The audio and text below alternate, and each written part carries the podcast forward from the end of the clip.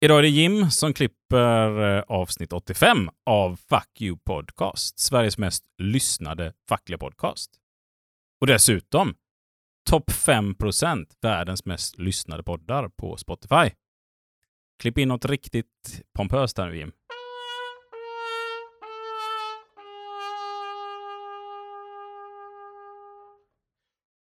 Klipp in något riktigt pompöst med för att du löste och klippa in något pompöst.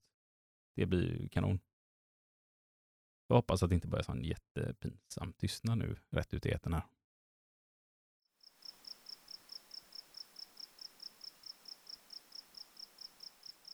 Annars blir det väl i alla fall eh, introlåten.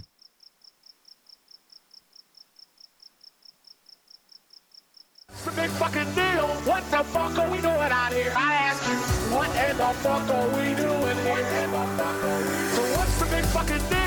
the fuck are we doing out here? I ask you, what in the fuck are we doing here?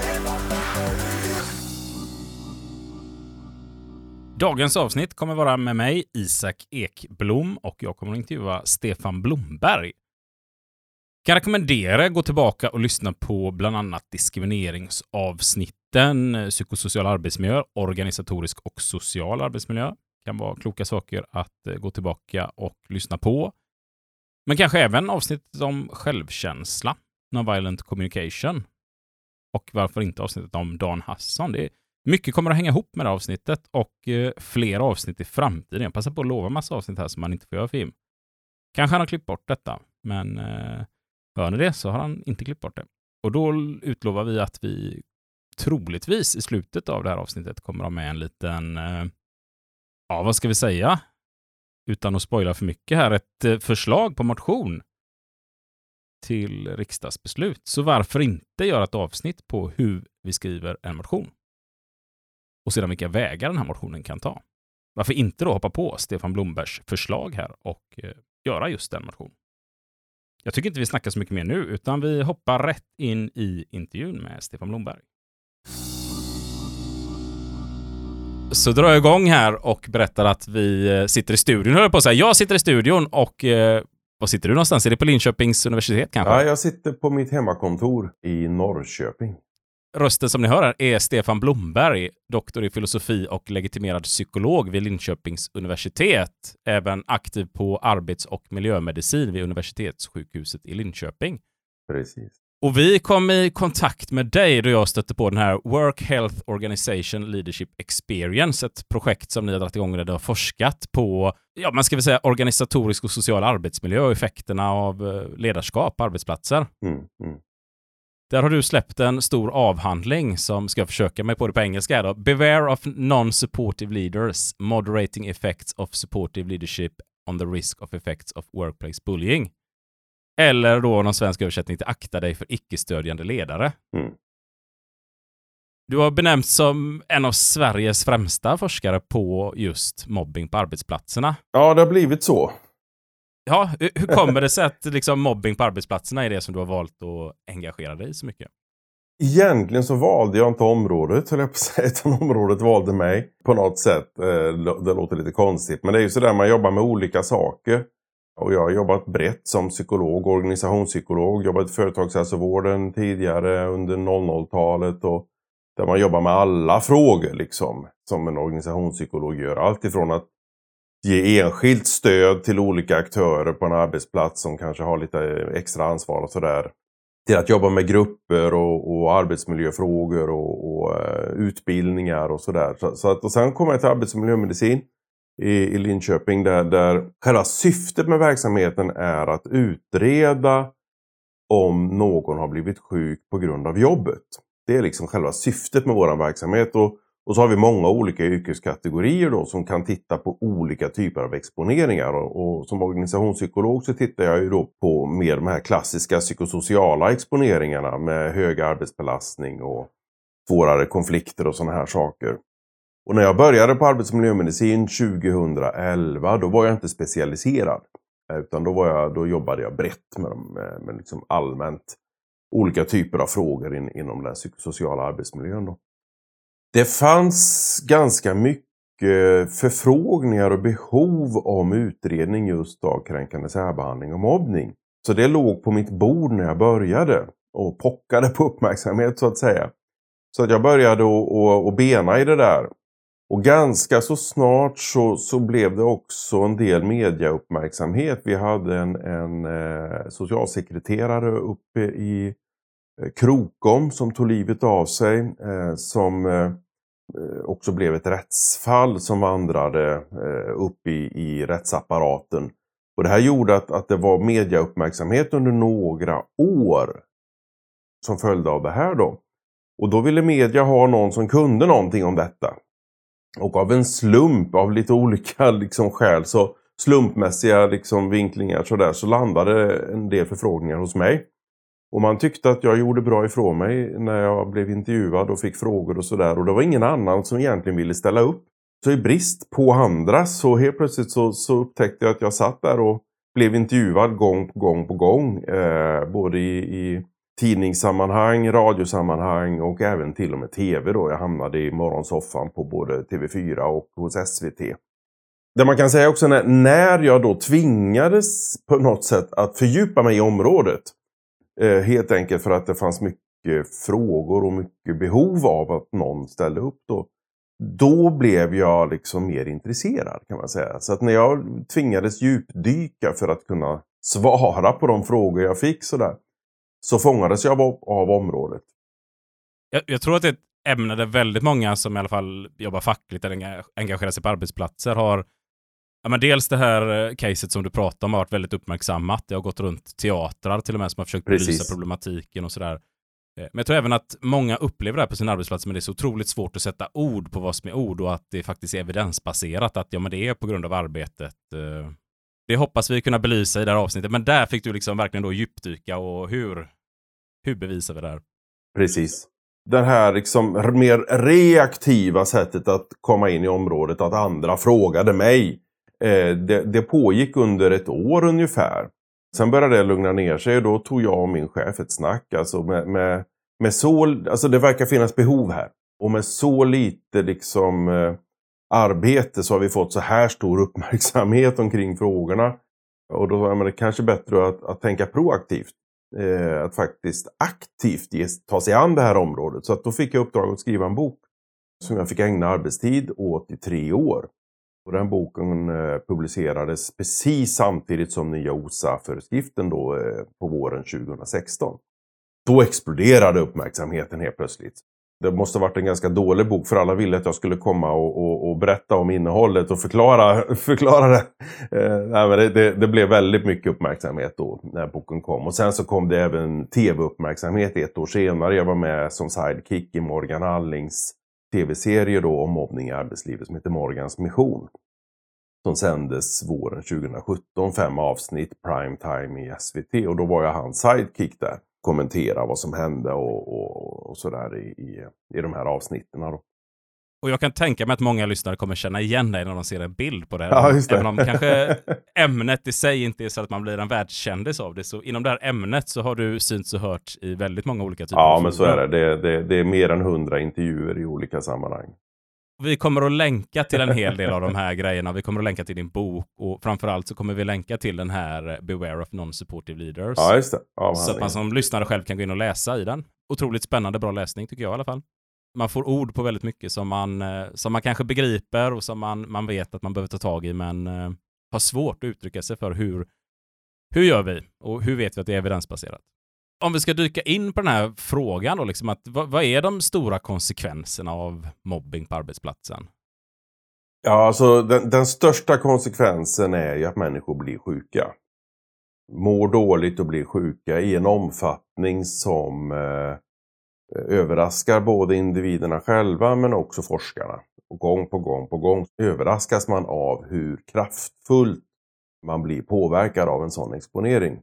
Det, det är som att eh, vi, vi underskattar hur mycket det känns av att bli socialt utstött eh, av en grupp som man på något sätt måste förhålla sig till eller hör till. Och att, att bli illa behandlad av människor med, med makt över en eh, och eh, särskilt när det då blir en kombination av kollegor och chefer och så här. Det, det, det kryper innanför skinnet på, på, på ett sätt som är svårt att beskriva egentligen. Eh, och jag har mött många även på individnivå då i och med att jag har haft patienter och, som jag har utrett och så här. Och, och många av dem är personer som det har gått bra för i arbetslivet tidigare. Som har bra CV, som har varit framgångsrika och som aldrig har kunnat föreställa sig att de skulle liksom hamna snett i en sån här situation. Och som också har tänkt att, ja men när det har börjat då, eh, de här processerna, så har de tänkt, ja men nu bråkar de med fel person. För mig minsann ska de inte knäcka. Eh, mig sätter de sig inte på, så har de eh, sen ett halvår eller ett år senare bittert ångrat att de inte eh, flydde situationen medan de hade chansen och hade hälsan i behåll. Och så har de hamnat hos mig sen då i, i långt senare när de är svårt sjuka och inte är anställningsbara längre eh, och hamnat utanför arbetslivet på olika sätt. Och nu, nu utreder jag nästan inte någonting längre för att eh, det, det av olika skäl så, så, så har jag inte den rollen riktigt längre. Jag vill också poängtera det för att det är många fortfarande som vänder sig till mig och söker min hjälp och det, det, det är tyvärr omöjligt för att det är hundratals som har vänt sig till mig efter sådana här olika intervjuer eller poddar eller eh, upp media, mediauppmärksamhet och så. Och det visar också att, att behovet är fort, fortsatt väldigt stort där ute och människor mår väldigt dåligt. Men det vi, det vi rent krast eh, vet forskningsmässigt är att risken för att insjukna i depressiva problem är ungefär trefaldigt ökad. Och då vet vi sedan tidigare att depression är ett ganska vanligt fenomen. Och ehm, vi ser också eh, risken att man, man får trauma liknande symptom. Eh, som, samma typer av symptom som vi ser efter överfall, våldtäkter, tortyr, miss, svår misshandel, mordförsök och sådana här saker. Vi vet också att hjärt och kärlsjukligheten går upp ungefär på samma sätt som vi ser kopplat till om man skulle få diabetes. Får man diabetes då vet vi att man också får en ökad risk för olika hjärt och kärlsjukdomar. Och, och ungefär samma riskökning är kopplat till att bli utsatt på det här sättet i arbetslivet. Vi vet också att, att riskerna för självmordstankar och faktiskt att man, man eh, gör självmordsförsök eller, eller, eller lyckas att, att man faktiskt tar livet av sig. Det, det är också en klart förhöjd risk där då. Så det, det, är de individuella riskerna som vi, som vi känner. Sen, sen påverkas organisationerna också. Och det är också mätbart. Vi vet att, att trivseln och engagemanget generellt på arbetsplatsen, även bland de som då inte är utsatta, går ner. Mätbart går ner. Och, och, risken eller alltså det här att, att människor söker sig bort ifrån arbetsplatsen, att, att vi får en högre personalomsättning, det är också mätbart. Ser man risker i en sån organisation också, att den personen som söker sig bort, att det är vanligt att det är en ny person som står på tur där också hamnar i den här mobbing-situationen? Eller kan, kan, man se ett sånt samband? Alltså det, det är lite, då, då, måste man följa verkligen många organisationer över tid för att, att kolla det. Dyker det upp någon ny? Rent, rent liksom teoretiskt eller, eller liksom allmänt så har, har man förklarat det så att ja, men har, man, har vi väl fått igång sådana här syndabocksprocesser så, så när en syndabock åker ut så står nästa på tur. Så att det, det, det, det är en rimlig uppfattning att det är så men, men det är också svårt att verkligen bevisa det forskningsmässigt. Eh, för då, då, det, det är metodiskt svårt. Men det, det, är ett fenomen som har varit beskrivet i, i 50, eh, mellan 50 och 100 år det här med syndabocksprocesser. Då, liksom att, att stöter vi ut en så, så stöter vi ut nästa sen också. Man, man kan i alla fall tänka sig att det, det slutar inte för organisationen med att den här anställde sticker eh, och så börjar det gå bättre för företaget igen, utan det, troligtvis kommer det problematiken sitta kvar. Det, det, har också att göra med vad vi ser att riskfaktorerna för att de här problemen uppstår, var de ligger någonstans. Och de ligger extremt sällan på individnivå. Det vill säga att, eh, att problemet uppstår när vi får in individer som är lite udda eller beter sig konstigt eller provokativt mot sin omgivning. Sådär. Den typen av förklaringar hittar vi inget forskningsstöd för eh, i princip överhuvudtaget när vi jämför andra riskmodeller. Då.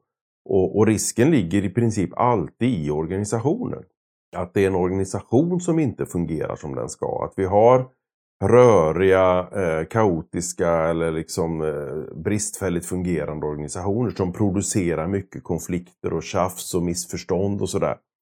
Också att vi kan ha organisationer med väldigt hög belastning, hög press som gör att de arbetsgrupperna som finns i organisationen är satta under väldigt hårt tryck. Och då har vi en tendens som människor att vi, vi stöter bort dem som på något sätt är annorlunda i gruppen. Vi vill ha homogena grupper där vi alla är lika. Eh, vilket ju inte alls är bra över tid för, för prestation och så vidare. Men, men grupppsykologiskt har vi en tendens tyvärr då att stöta bort dem som, som det tar lite mer energi att liksom få in i gruppen. Så där, om någon har fel ålder, Eh, är ung i en grupp med äldre eller tvärtom, eller vi har fel, någon med fel utbildningsbakgrund som gör att vi har lite svårare att upprätthålla eller få igång ett bra samarbete med den personen. Eller att någon har en annan kulturell syn på saker och ting. Eller bara det att någon avviker ifrån det som en typisk gruppmedlem.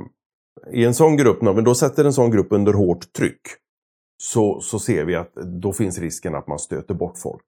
Och har vi då både det här att vi har ett hårt tryck och sen har vi bristfälligt fungerande organisationer där, där det är rörigt och otydligt vem som ska göra vad, ansvar. Eh, alltså det, det, det blir det här att man, man, eh, saker och ting tappas mellan stolarna eller två springer på samma boll. Eller, och sen har vi ett ledarskap som kanske inte alls har bra förutsättningar och så kanske vi också olämpliga chefer som liksom personligt mässigt olämpliga för sin, sin uppdrag.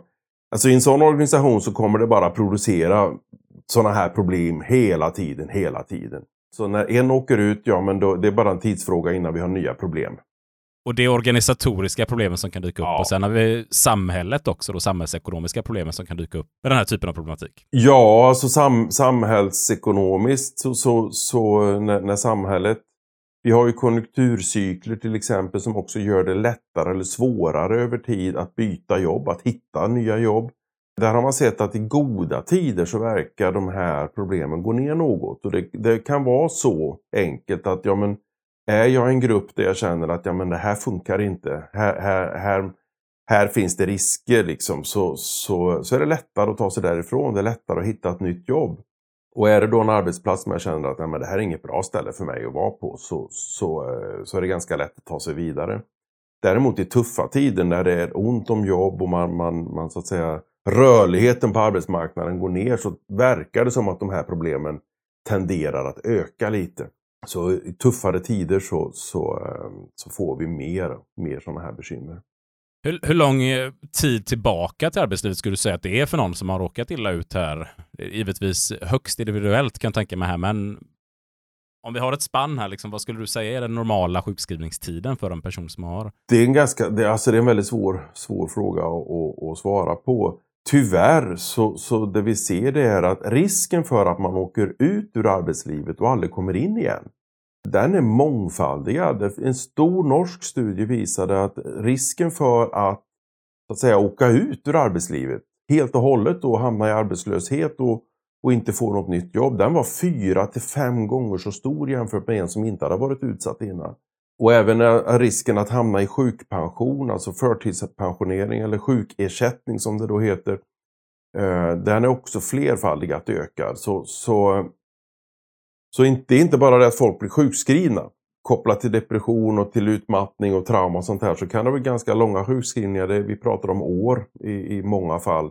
Men sen ska man ur sin sjukskrivning. För Försäkringskassan kräver ju att, att uh, det, det ska ske en återgång på något sätt. Och där ser vi att det är väldigt många som inte klarar att ta sig tillbaks. De hamnar permanent utanför arbetsmarknaden. Och, och det här är ju, det är ju jättekostnader för individerna som det handlar om, men det är också stora, stora kostnader för samhället. Var det ett extremt slöseri på resurser för samhället och, ja, och framförallt en, en extremt stor kostnad som jag tror att ja. man behöver prata om mycket mer än vad vi gör idag. Eh, och det var väl bara att se bakgrunden till att vi fick den organisatoriska och sociala arbetsmiljö-AFSen. Eh, alla de kostnader som har kommit med utbrändhet och sådär. Det är ja, absolut en, en extremt stor fråga. Om vi ska glida in på det här nu då med stöttande ledarskap. För, för det du varnar för är egentligen arbetsplatser utan ett stöttande ledarskap. Och vad är då ett stöttande ledarskap? Mm. Ja, jag, jag, min, min avhandling då så, så vill jag ju hitta någon nisch liksom någonstans. Sådär. För alltså det, det finns ju så... Det, det, här är ju det är ofantligt många som forskar om det här numera. Det här är, eh, inom organisationspsykologin så tror jag just nu att det är det, det största området, enskilda området faktiskt, internationellt. Eh, och att då hitta sin lilla nisch någonstans Eh, och, och, och där, där, har jag varit eh, också alltid intresserad av det här med ledarskap. Alltså hur ska man som chef bete sig och vilket ledarskap utövar man? Men också vad, vad behö, behöver en chef för förutsättningar? Och, och då finns det ju många flashiga ledarskapsmodeller. Eh, vill man, jag brukar säga, att vill man bli miljonär som, som eh, organisationspsykolog eller, eller eh, aktiv i det här, då, då, då ska man hitta på sin egen ledarskapsmodell som man tar copyright på och sen säljer i flashiga powerpointsmodeller. Sådär. Men när vi forskar på ledarskap så är det inte så jätteavancerat. Det är, det är nå, ett fåtal mätbara liksom, fenomen som dyker upp. Och ett av de fenomenen det är hur man behandlar människor. Det är väldigt, väldigt tydligt. Det, det är ett sånt här det finns två klassiska dimensioner som nästan alla ledarskapsmodeller förhåller sig till. Och den ena, eh, de, de här två dimensionerna det handlar om hur aktiv är jag? Aktivitet, passivitet. Och sen hur behandlar jag människor? Det är de två dimensionerna som, som, som alltid dyker upp på något sätt. Och de ser vi i vår forskning väldigt tydligt. De två dimensionerna. Och när det gäller aktiv passivitet, den dimensionen så, så där, där, finns det rätt mycket forskning om det som kallas för laissez-faire leadership. Alltså låt, passivt låt gå-ledarskap. Det vet vi att det är väldigt destruktivt. Men just den här dimensionen då som handlar om hur man behandlar människor som då i ledarskapslitteraturen så det kallas för lite olika saker men, men huvudsakligen så brukar man prata om, om supportive leadership behaviors. Alltså stödjande ledarskapsbeteenden. Och syftet med det, det är att att skapa ett, ett fungerande interpersonellt relationsmönster på arbetsplatsen. Alltså att bidra till att det finns fungerande relationer.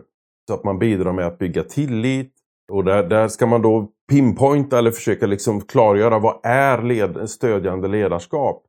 Så är det, det är ingen modell utan det är ju då en, en bete, ett, ett mönster av olika beteenden som ska genomsyra väldigt många olika ledarskapsmodeller, vad man nu väljer att kalla det.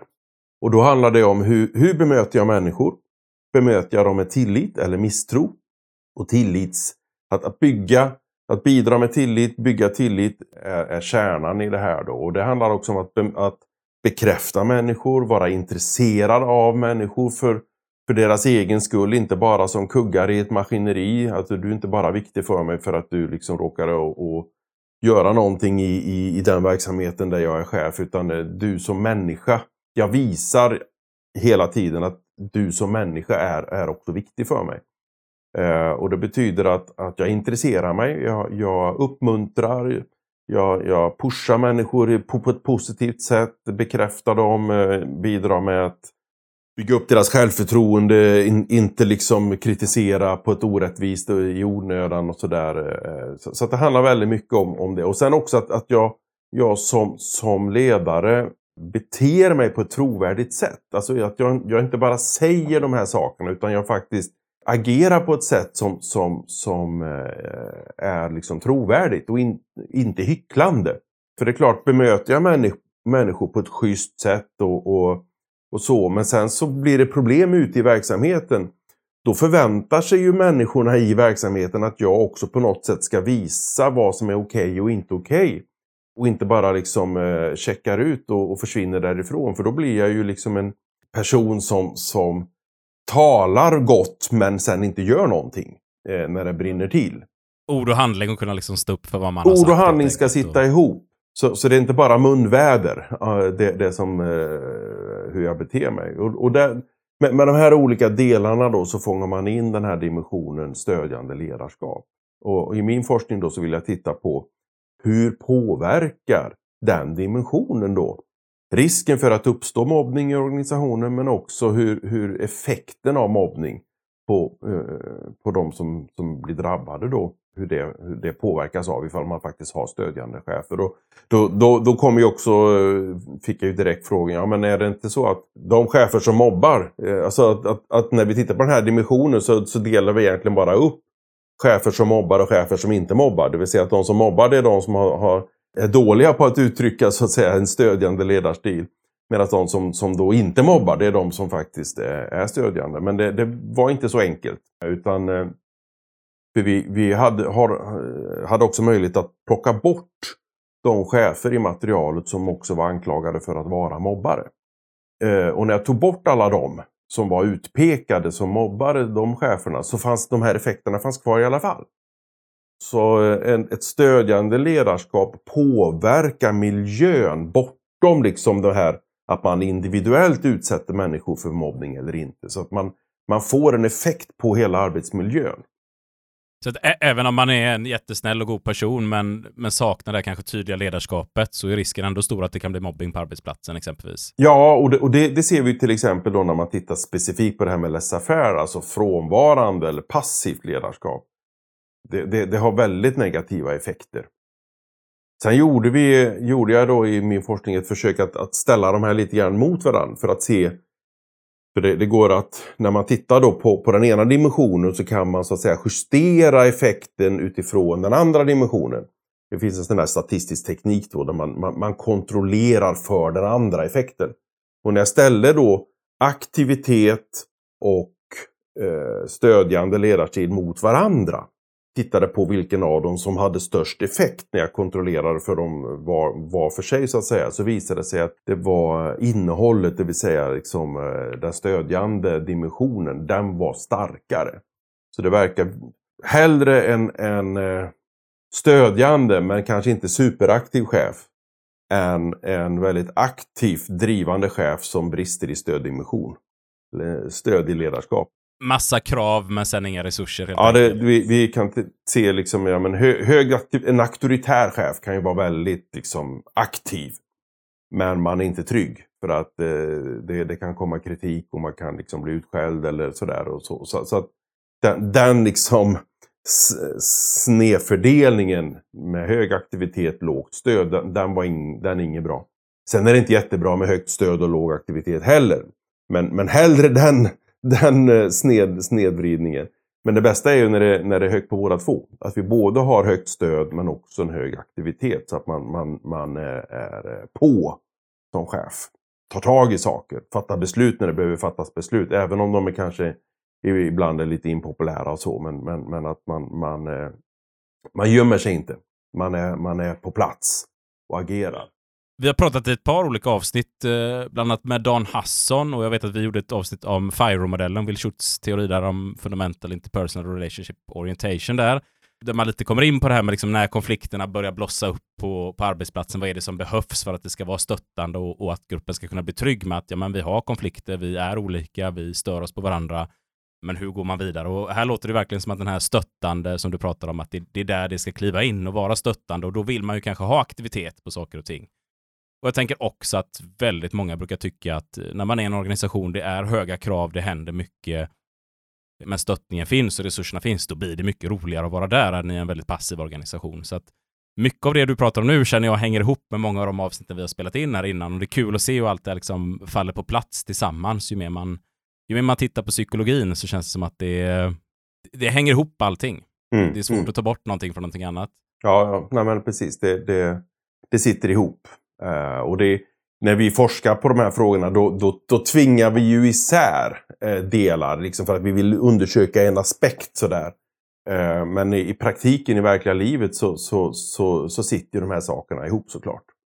Vi har varit inne lite nu på, på effekten av vad som är ett stöttande ledarskap. Men vad, vad kan vara orsakerna vara till att det dyker upp mobbing på arbetsplatsen? De främsta, alltså i, i min avhandling så tittar jag på två ty, typiska orsaker. Eh, jag gjorde en modell där jag tittade på både den organisatoriska orsaker men också individuella orsaker. För att se om, om det stödjande ledarskapet påverkar både liksom organisatoriska och individuella liksom, eh, risker. Och den organisatoriska risken som jag tittade på det var eh, kanske den mest klassiska. Eh, för där, där man brukar tala om att den, den, största risken som vi egentligen har sett genom åren eh, rent organisatoriskt det är eh, rollstress. Alltså belastningar kopplade till att våra roller inte fungerar riktigt i organisationen. Och då, och då är det två huvudsakliga problem som man brukar peka på. Det ena är att det är otydlighet och det andra är att vi har rollkonflikter. Och eftersom otydlighet är rent teoretiskt brukar man säga, beskriva att det är den, den, den mest grundläggande problemet. För att har vi otydlighet, ja men då får vi krockar och så får vi konflikter. Så då tittade jag på rollotydlighet. Och där, där ser vi att rollotydlighet har en, en, verkar ha en, en, eh, en mekanism i, i sig där, där vi får problem på arbetsplatsen. När, när det är otydligt vem som gör vad, vem som har ansvar för vad, eh, befogenheter, gränser eh, och så vidare. Så, så, så får vi en, en, en, eh, över tid får vi problem med liksom samarbetsklimatet. Det blir lite för mycket av missförstånd, för, tjaf, för mycket tjafs, eh, för mycket av, av, av bekymmer i, i samarbetsklimatet. Så att det utvecklas över tid en bristande tillit i hela liksom, samarbetsklimatet. Och där riskerar då, då får vi en, liksom en, en, en risksituation där vissa situationer eller vissa konflikter sen då kan urarta in i en mobbningssituation. Men det, det, det som var tydligt då det var att när, när, när ledarskapets stöddimension är lågt respektive högt så, så får det när, när det är lågt så, så boostar det den här eh, risken. Så att då får vi en mycket, mycket större sån här riskutveckling. Medan när, när det stödjande ledarskapet låg på hög nivå så blockerade det den här risken.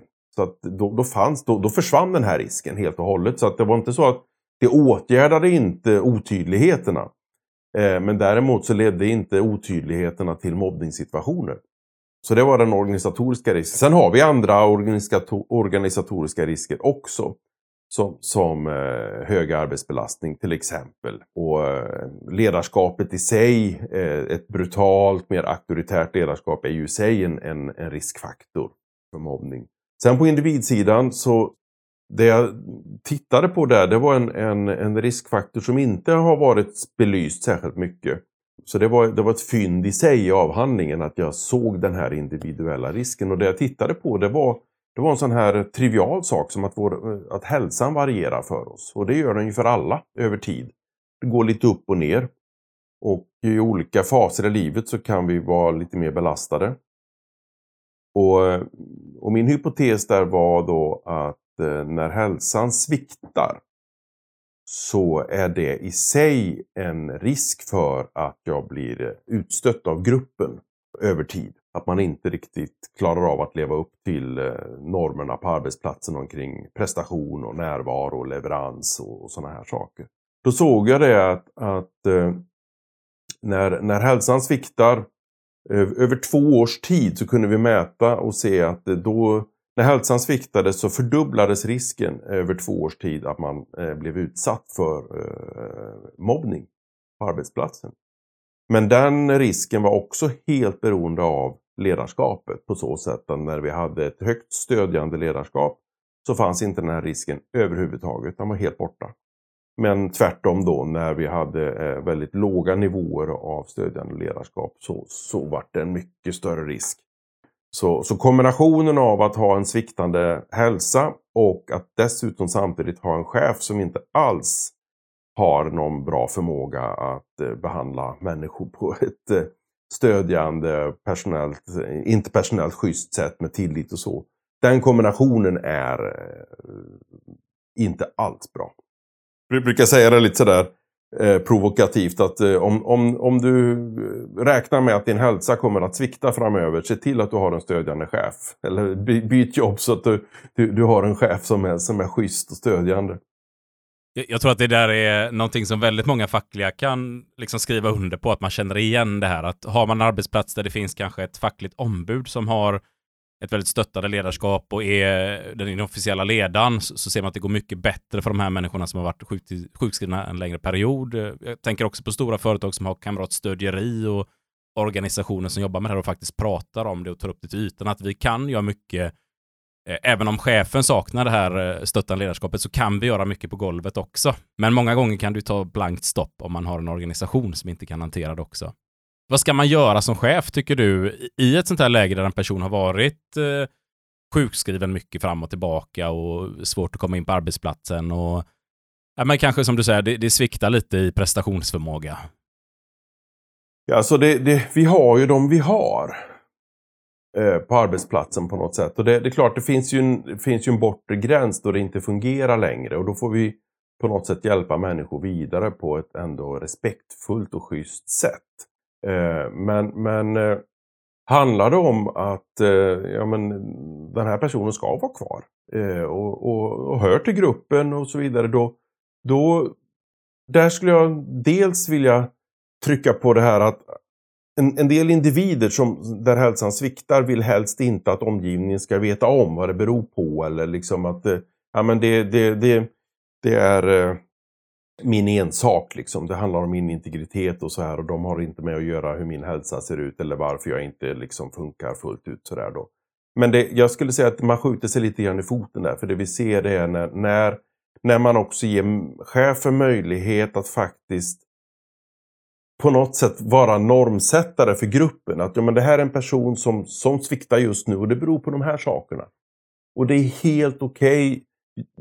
Jag ger mitt fulla stöd till att, att i den här situationen så behöver den här personen kanske lite längre tid för deadlines eller ja, men den här personen får, får, har rätt och också min välsignelse i att, att eh, komma och gå lite grann eller de anpassningar som behövs.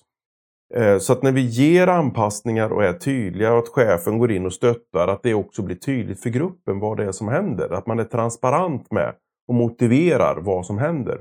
För annars är det lätt att, att gruppen inte förstår och att det blir en frustration omkring att, att vissa personer hålls under armarna på ett sätt som man inte riktigt förstår varför. Och när man inte förstår varför så bildar man sig själv en uppfattning och det börjar snackas om det. Och då har vi redan där fått igång liksom, eh, kanske ett skvaller och en spekulation i gruppen omkring varför någon eller några inte fungerar riktigt fullt ut som de ska och, och varför chefen gör si eller så. Eh, och att, att, få ner den här liksom snackeriet eller skvallret, spekulationerna, genom att kunna vara transparent och öppen och där chefen faktiskt går in och förklarar och motiverar varför man gör på vissa sätt det, det, det verkar ha en, en väldigt lugnande effekt. Och där, där, skulle jag vilja säga att en, som chef är man en, en normsättare i hur man agerar, vad man säger, vad man gör. Eh, mycket, I mycket större ut, omfattning än vad, vad chefen kanske själv tror. För att det finns rent grupppsykologiska mekanismer som gör att när man har en position som är attraktiv, man har status, man har makt, man har inflytande så allt jag i den positionen säger och gör får en större effekt än vad jag tror. Eh, och det, gör, det är därför man måste leva som man lär. Eh, det är därför man måste föregå som ett gott exempel. För man är en förebild vare sig man vill det eller inte. Och den förebilden är man på gott och ont. Så där beter man sig hycklande eller maktfullkomligt eller aggressivt på olika sätt. Så är det det jag också sänder ut som signal att det är okej okay att bete sig så. Och då får vi över tid, om vi tittar på de här effekterna över år, så påverkar det hur grupperna fungerar. Eh, så, så där, där har man en väldigt viktig roll som chef i att, att faktiskt också vara transparent och öppen och tydlig med eh, vad som händer omkring medarbetare som, som inte fullt ut kanske fungerar eh, på grund av, av det kan vara hälsosituation, det kan vara även annat privat som händer som gör att man är belastad och inte fullt ut kan leverera.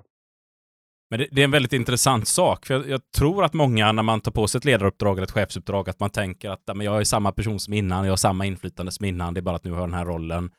Faktiskt ha förståelse för det, att det, det påverkar så extremt mycket mer än vad man kanske själv kan sätta sig in i. Eh, så väldigt bra att du tar upp det här i podden faktiskt. Det är väldigt intressant. Det tänker jag kanske är ett helt framtida ämne här och till och med diskutera effekten av eh, ledarskap och, och hur man skattar sig själv här. Nej, för det, det, är, det är en sån här, i min avhandling där då, för att också förstå de väldigt kraftiga effekter vi ser. Eh, så, så behöver man också titta på ja, vad, vad, finns det för beskrivna mekanismer för det här. Och en av de mest kända och väl beskrivna mekanismerna det är ju att man som, som ledare så är man också en, en, eh, en förebild. Det som på engelska kallas för role model. Eh, och, och, och, det är inte bara det att vi andra där omkring en ledare går och tittar på ledaren. Liksom, hur gör han nu? Hur, vad sa hon nu? Eh, nu ska jag härma det. Så går det ju inte till. Det är inget som händer här uppe liksom medvetet. Men det, det sker en konstant påverkan på normerna eh, på arbetsplatsen utifrån hur ledarskapet beter sig och agerar och, och vad man säger och gör. Och det gör ju också att det inte bara den chefen som är närmast medarbetarna eh, utan det är ju hela linjen. Och då, då, då ser vi också att ja, men en, en, eh, en chef, första linjens chef som har väldigt dåliga förutsättningar och själv är utsatt för ett ledarskap uppifrån som är ganska hårt och hycklande på olika sätt. Det är ett fruktansvärt svårt uppdrag. Eh, så, så, så här handlar det också om att ge liksom hela, alltså våra första linjens chefer behöver också få förutsättningar att utöva ett schysst ledarskap och många har inte de förutsättningarna.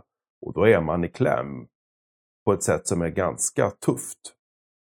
Vi, vi, pratar ofta om det, om att det kanske är de som ska ha störst stöttning av alla som ska liksom ändå hantera alla de här situationerna. För att vi har inga bra ledarskapsutbildningar egentligen. Vi har ingen så universitetslinje du går i, i, fem år och så kan du arbetsrätt och du kan juridik, ja, du kan psykologi, du kan driva ett företag.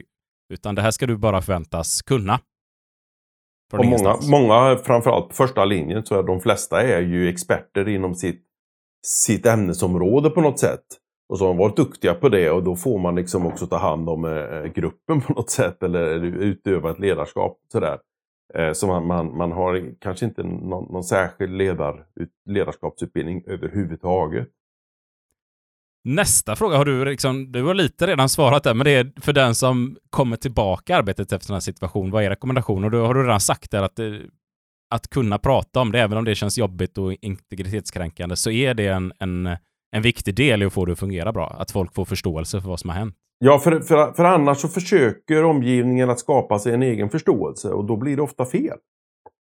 Och då är det olika personer som skapar sig olika bilder eller olika förståelser och så börjar man prata med varann och då är snacket igång. Och då är det bättre att så mycket som möjligt vara tydlig att så här är läget.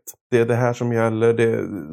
Så, så, att Sen behöver man inte liksom uh, fläka ut hela livet såklart, men ge tillräckligt med information för att hålla nere risken för att det blir liksom uh, snack bakom ryggen och spekulationer. Och min upplevelse som, jag kommer ifrån bilbranschen, från bilverkstäder, det är en väldigt stark machokultur och eh, man, man, tror att inga andra mår psykiskt dåligt. Man tror att inga andra utsätts eller råkar ut för någonting. Och jag har 360 medlemmar som är närmst mig och det är så många som har råkat ut för en partner med förlossningsdepression. Det är så många som själva hamnat i en depression eller mår psykiskt dåligt. Eh, och man vågar inte prata om det, men när man väl gör det så märker man att det, det, är ofta en väldigt stor del i de här grupperna hos oss. Eh, det är nästan fler som har råkat ut för någonting sånt där än som inte har råkat ut för det, men man har valt att inte prata om det. Så det, det, kanske också behövs att vi pratar om det mer på arbetsplatserna.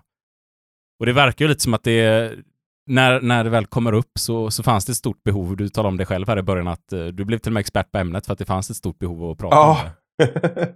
precis, precis. Det var in, de började ringa mig av en slump. Liksom, eh, för de trodde att jag kunde det mer än vad jag faktiskt kunde. Det var, det var olika saker som hände som gjorde att eh, vissa mediafigurer fick för sig att jag kunde det här. Så ringde man mig och jag liksom, ah, jag fick, fick lite panik sådär. Men, men eh, eh, så behovet är jättestort. Har du några rekommendationer för hur börjar man prata om sådär på arbetsplatsen? Kanske i förebyggande syfte eller om det har hänt någonting? Ja, det kan ju vara lite svårt att bara, bara börja prata helt liksom utan liksom att, att det finns någon agenda sådär för det. Så, att, så att här, här, här kan man ju faktiskt sätta av delar av personaldagar eller arbetsplatsträffar. Eh, för att på arbetsplatsträffar så har vi ju i regel att vi med en viss regelbundenhet går vi igenom arbetsmiljöfrågor. Och då är det ofta fysiska frågor. Det är, det är bära och lyft och, och ljus och sådana här saker. Vi har lite ronder och sånt där. Men att också faktiskt prata om den psykosociala arbetsmiljön eh, på de här ronderna. Och det finns metoder också. Det fi finns liksom att, man, man, att vi har eh, eh typ en beskrivning, ett case eh, som vi kan diskutera och, och, och, och liksom, frågor till ett case. Ja, men, hur tänker du omkring det och hur tänker du omkring det? Så, så att vi kan få en diskussion där vi har liksom något, något, något att hålla oss i, något gemensamt att prata om. Sådär. Eh, och när man väl har fått igång det här snacket eh, och gör det legitimt att faktiskt prata och lyfta på, på de här stenarna också. Så, så kan det vara väldigt gynnsamt. Eh, och där, där har också chefen en viktig roll. Att, att gå före. och visa att det här är ingenting som är, eh, är för känsligt eller farligt att prata om. Sådär. När man läser i den här Beware of Non-Supportive Leaders så ställs det en hel del frågor. Så men jag tänkte lite sammanfattning. Så vad kan man hålla ögonen på ute på arbetsplatsen? Vad kan man leta efter som risk riskfaktorer här för att liksom, ja, men vi kanske är en arbetsplats där vi behöver jobba lite mer med den här frågan. Vad ska man hålla utkik efter? Alltså det ena är ju, alltså vi, vi ser ju två huvudspår in i de här problemen. Och det ena spåret är ju konflikter som urartar. Sen kan konflikterna komma ur en mängd olika faktorer. Det kan ju ha att göra med att vi missförstår vårt uppdrag eller att vi har olika mål eller vi är inte överens om hur saker ska göras eller att, att vi i en arbetsuppgift liksom har krockat med varandra eller helt enkelt personlighetsmässigt inte går ihop så att vi, vi, vi liksom, eh, irriterar oss på varandra hela tiden. Så det finns många skäl till att en konflikt kommer upp. Men just konfliktnivån generellt på arbetsplatsen är någonting man kan hålla ögonen på. För har vi mycket konflikter så ökar risken att någon av dessa konflikter kommer urarta och, och dra iväg. Och, och, och, får vi dessutom att vi får konflikter som är laddade med fler personer mot, alltså att vi har grupp mot grupp eller grupp mot enskild. Så många har, är på ena sidan och någon, några enstaka är på andra sidan. Eller någon med mycket makt är i konflikt med någon med lite makt. Så att vi får, då, då har vi också lite farligare konflikter. Så, så just konflikt, hur ser konfliktsituationer ut på arbetsplatsen? Det är någonting man behöver ha koll på. Det är ju någonting man mäter nästan varenda sån här medarbetarundersökning, hur mycket konflikter ser ni på arbetsplatsen. Vad skulle du säga är en konflikt? Så man får reda ut det här begreppet lite grann. Behöver det vara något jättestort eller kan det vara en liten grej? Vad, vad är en konflikt? Alltså konflikter, det handlar ju om att vi, vi värderar olika. Eh, det, det skiljer sig åt vad, vad, vi värderar som är olika och att någons att någon part har någonting som man värderar och så att den andra parten på något sätt blockerar mig i att uppnå det som för mig är viktigt. På, på något sätt. Och det här kan vara ju allt ifrån små saker till jättestora saker. Eh, och sen har vi då den här dynamiken när det blir fler involverade och sådär. Och, och, och, och, och, som sagt när, när konflikterna dessutom växer in i maktperspektiv så att vi, vi har den här eh, olika, det, alltså att som nyanställd hamna i konflikt med den mest erfarna på arbetsplatsen, det, det är ju ingen bra start. Man är rätt chanslös i en sån situation. Så, så att, eh, och där kan vi också se att vissa arbetsplatser vill ju lite grann sätta folk på plats som är nya. Att vi har en ganska tuff jargong eller en tuff liksom, kultur sådär liksom. Så att den, den som är ny ska göras bort några gånger först innan man liksom är inkilad i verksamheten och sånt där. Och, och det där, då har vi nästan på något sätt liksom accepterat en slags kultur där, där vi, där vi liksom ska, ska liksom, eh, vara, vara elaka. Fast det liksom, eh, den som är utsatt för elakheten ska förstå att det, det är inte personligt utan det, det, är liksom bara något som de andra tycker är kul. Och alla ska igenom det där innan. Men det där är ju en stor risk som vi utsätter eh, verksamheten och varandra för när vi, när vi tillåter det där. Vissa organisationer har ju det här nästan liksom i sin kultur så har man det här byggt in. Den här typen av fenomen då. Men för ett par år sedan så skrev man om Lundsbergsskolan som hade väldigt extrema sådana här. Men, men att det, man kan tänka sig att det är ganska lätt att det börjar med någonting mindre och så blir det liksom värre och värre med åren och spårar ut mer och mer. Ju fler som har genomgått något tufft för att komma in i gruppen eh, och så tycker man att nu ska nästa person utsättas för detsamma. Att det tenderar till att spåra ut till slut. Ja, ja. Sen, sen, har vi ju ett överlappande område här då. Det, det är det här jag var inne på när, när någon eller några inte riktigt passar in i gruppen. Eh, eller är annorlunda jämfört med hur den typiska gruppmedlemmen ser ut. Och, och där vet vi till exempel bara sån här banalt som könsuppdelning. En tjej i en väldigt mansdominerad arbetsplats eller tvärtom en kille på en väldigt kvinnodominerad arbetsplats. Eh, det är en utsatt position. Där vi behöver tänka oss för lite grann. Hur, hur, hur landar skämten? Skämtar vi om den, den som är annorlunda? Hur, hur, hur behandlar vi den som då så att säga är, är annorlunda jämfört med resten? Och nu tog jag kanske den mest uppenbara, vanliga, men, men alltså det finns så otroligt många aspekter av att inte riktigt passa in på en arbetsplats.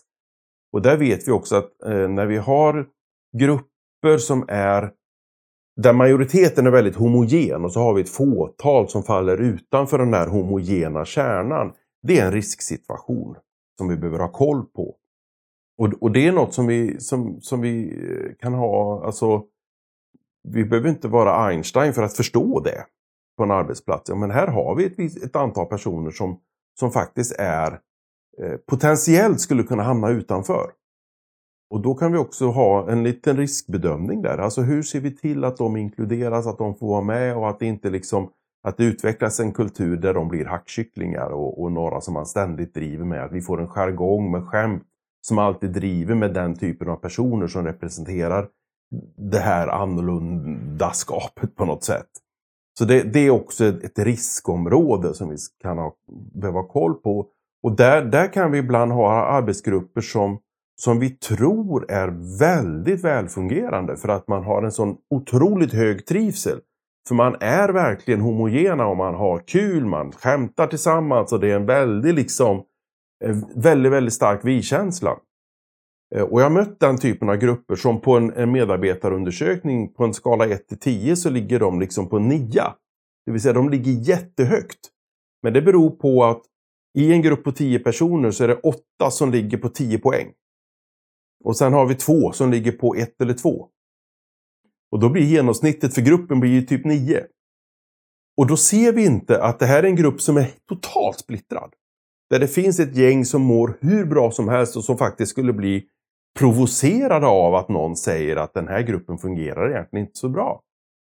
För att de flesta tycker att den fungerar alldeles lysande. Men så har vi en eller två som faktiskt hela tiden är utanför. Och som är livrädda för att hamna utanför gruppen. Som kanske gör allt för att på något sätt göra våld på sig själv för att vara, få vara del av gruppen. För att kunna skämta på samma sätt som gruppen. Och jag hade en föreläsning för en grupp en gång där jag beskrev det här. Och, eh, och då sitter en grupp där och de, det, det, det är som att de, de börjar förstå vad jag pratar om. Och mitt i gruppen sitter det en person som utifrån vissa aspekter är annorlunda jämfört med de andra. Och på den personen, under tiden jag pratar om det här så börjar tårarna rinna. Mitt under liksom föreläsningen så börjar tårarna rinna på den här personen. Och då har jag pratat om det här när man gör våld på sig själv för att passa in i en grupp som man egentligen inte passar in i. Men man är så rädd för att hamna utanför så man gör nästan vad som helst för att få vara med. Och där, där har vi en skyldighet som, som eh, i arbetslivet att skapa arbetsmiljöer som är inkluderande. De här privata, skojfriska sammanhangen som kan vara väldigt roliga och sådär. De, de, är privata och ska vara privata. På arbetsplatsen behöver vi se till att de är inkluderande. Eh, för arbetsmiljön ska vara schysst för alla på arbetsplatsen. Och inte bara för några eller för, för, för en, en liksom klick. Så. Eh, så det där är något som jag gärna vill att man har lite koll på. Min upplevelse är också att det är ganska svårt att växa som människa i en sån här grupp när den är väldigt homogen och, och man delar samma åsikt. Att det blir nästan farligt om man en dag skulle vakna upp och känna att man vill lära sig något nytt eller göra någonting annorlunda eller få en annan åsikt i livet. Eh, att, att man kanske inte ens vågar och då börjar man istället kränka sin egen självkänsla för att vara kvar i gruppen. Liksom. Ja. Nej, det, det, det blir väldigt lätt eh, liksom en, en klubb för inbördes beundran när man bekräftar varandra liksom, i förutfattade meningar och sådär. Så trots att vi kan ha en väldigt hög medarbetarundersökning exempelvis i en grupp så behöver inte det betyda att det är en, en sund grupp? Nej, nej. Eh, tyvärr. Det, det, kan vara väldigt, väldigt oprofessionellt faktiskt i vissa lägen. En helt privatiserad liksom, kultur. Eh, där eh, det gynnar inte alls verksamheten. Så, så ehm, ja, men det, det, det där är också ett område. Men, eh, så att de här två, alltså hur, hur, hur ser gruppdynamiken ut? Finns det eh, outsider? Finns det vi och dom-tendenser i gruppen? Eh, och sen det här med konfliktnivån. Där, där har vi två, två områden som jag tycker att man, man eh, kan ha koll på. Eh. Sen som medarbetare så, så, är det nog många som har koll på hur, hur ledarskapet utövas i organisationen och, och, vad som händer. Men, men det har man ju inget inflytande över. Eh, så, men, men som, som om man, om man liksom har lyssnare här som, som har lite mer makt högre upp i organisationer så skulle jag vilja säga det att ja, men hur rekryterar ni era chefer? Och vad är det för ledarskapsidé och policy och, och, och så som ni promotar? Eh, det är någonting som man, man kan påverka en verksamhet väldigt mycket mycket över tid med. Kanske även något att skicka med till de fackliga. Vi släppte för ett par år sedan vårt utvecklingsavtal som ändå Svenskt Näringsliv har tecknat med både TCO och LO där man faktiskt ska sitta med och diskutera sådana här frågor. Hur rekryterar vi? Vilka rekryterar vi? Vi ska ju faktiskt vara med. Sen kanske inte varje medarbetare har chans att sitta med i de här diskussionerna, men det finns viktiga syften med det och även om man känner att man som förtroendevald inte har möjligheten att påverka det fullt ut så har man en möjlighet att diskutera det och liksom ja, men prata om bland annat Stefans forskning här och faktiskt ta upp vad det kan innebära för en organisation och kanske försöka få iväg sin ledningsgrupp och lyssna på någonting sånt där. Mm. Jag brukar säga det när jag får den frågan ifrån eh, eh, mer eh, representanter för en hel organisation. Just det här, liksom, hur, hur ska vi tänka när vi rekryterar? Då brukar jag säga det, ja men nummer ett när ni rekryterar i, chefer så ska ni rekrytera människor som, som eh, blivande chefer som gillar människor. Som tycker om folk. Det är inte pengarna och titeln som ska avgöra utan eh, viljan till... Som gillar människor. Eh, som har en talang för att bygga goda relationer. Väldigt mycket annat går att utbilda omkring. Det här går också att utbilda omkring om man, om man om man har en insikt och vill och förstår, eh, och förstår att jag behöver utvecklas och att jag har ett sätt som faktiskt eh, ibland kanske liksom eh, gör att andra mår dåligt. Vill man utveckla den delen så går ju det. Men då måste man vara motiverad. Men det är också en ganska tuff resa för det här tangerar så mycket personliga saker. Så att om vi, när vi rekryterar chefer, att då leta efter personer som, som, som har en god förmåga, en social förmåga att bygga relationer då har vi vunnit väldigt mycket för att det är, det är en av de två stora dimensionerna i ledarskapet. Det ena är aktivitetsnivån och det andra är just relationsbyggandet.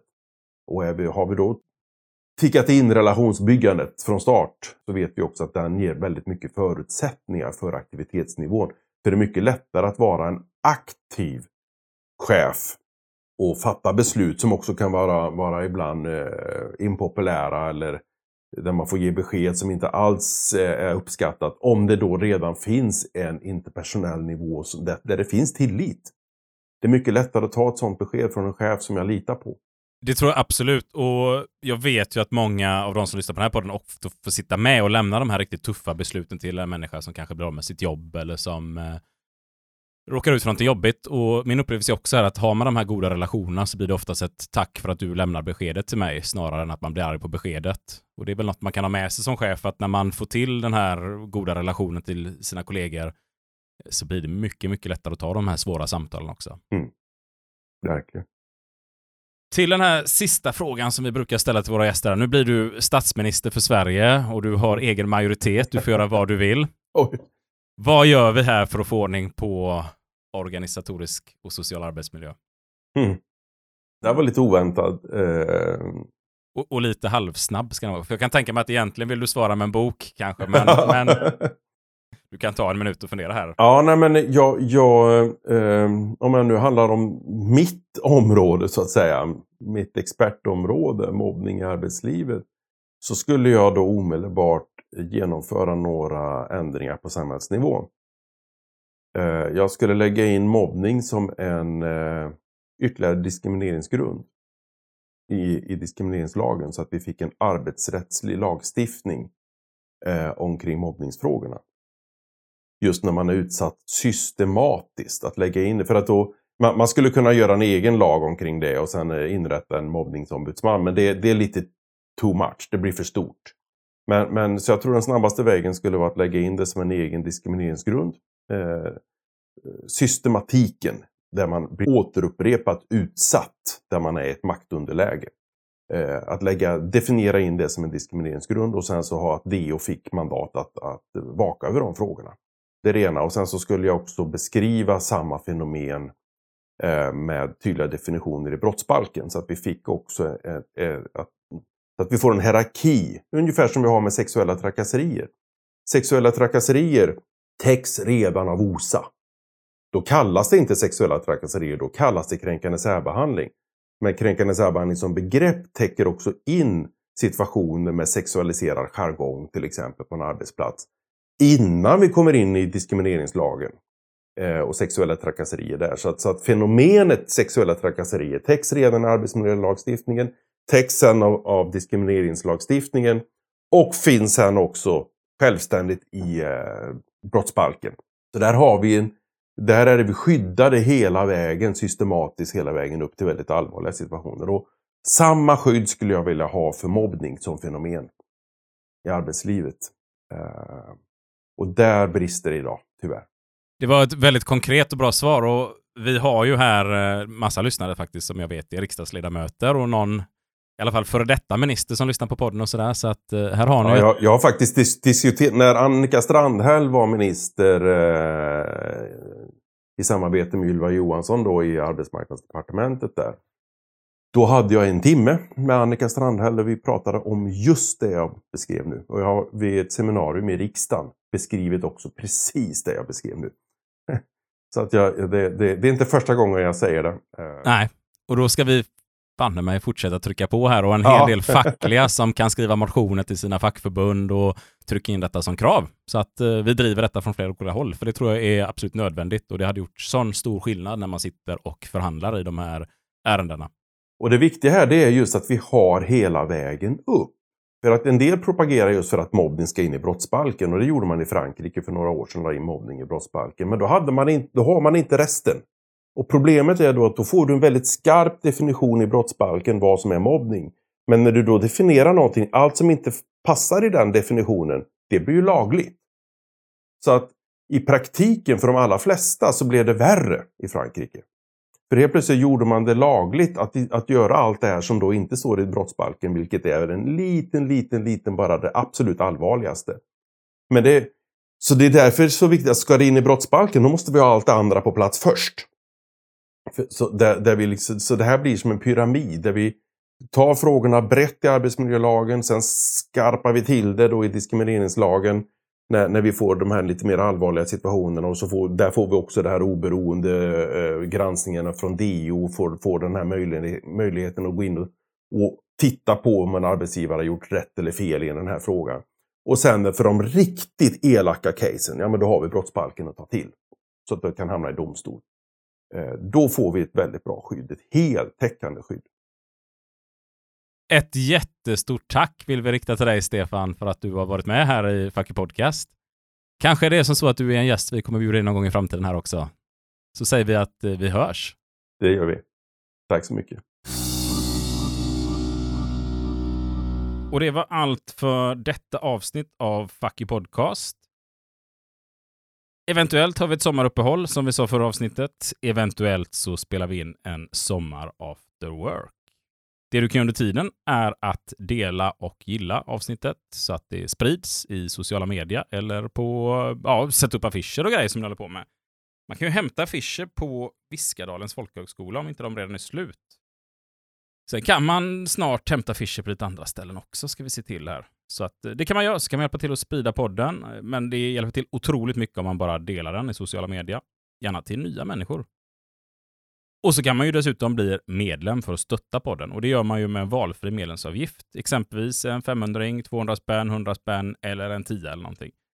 Och det swishar man in till 123 09 084 26. Och då skriver man sitt namn och sin e-postadress så blir man medlem i Fucky Podcast Arbetarkulturella Förening i ett år. Glöm inte heller att man numera kan ladda hem vissa powerpoints och material från eh, avsnitten. Det gör ni genom att klicka på en av de här länkarna. kommer ni in på vår drive och så kan ni tanka hem även affischer om det skulle vara så. Något mer ska man säkert säga i slutet av avsnitten här. Jag sitter här återigen och ska tidigt, tidigt, tidigt, tidigt iväg på ett flyg och sitter väldigt, väldigt, väldigt sent på kvällen här och spelar in det här outrot. Eftersom Jim ska ta över klippningen. Och så får vi se om det släpps här på tisdag morgon klockan 06.00. Annars hör ni oss om... Eh, när det nu släpps och så hörs vi om 14 dagar igen. Ta hand om er så hörs vi.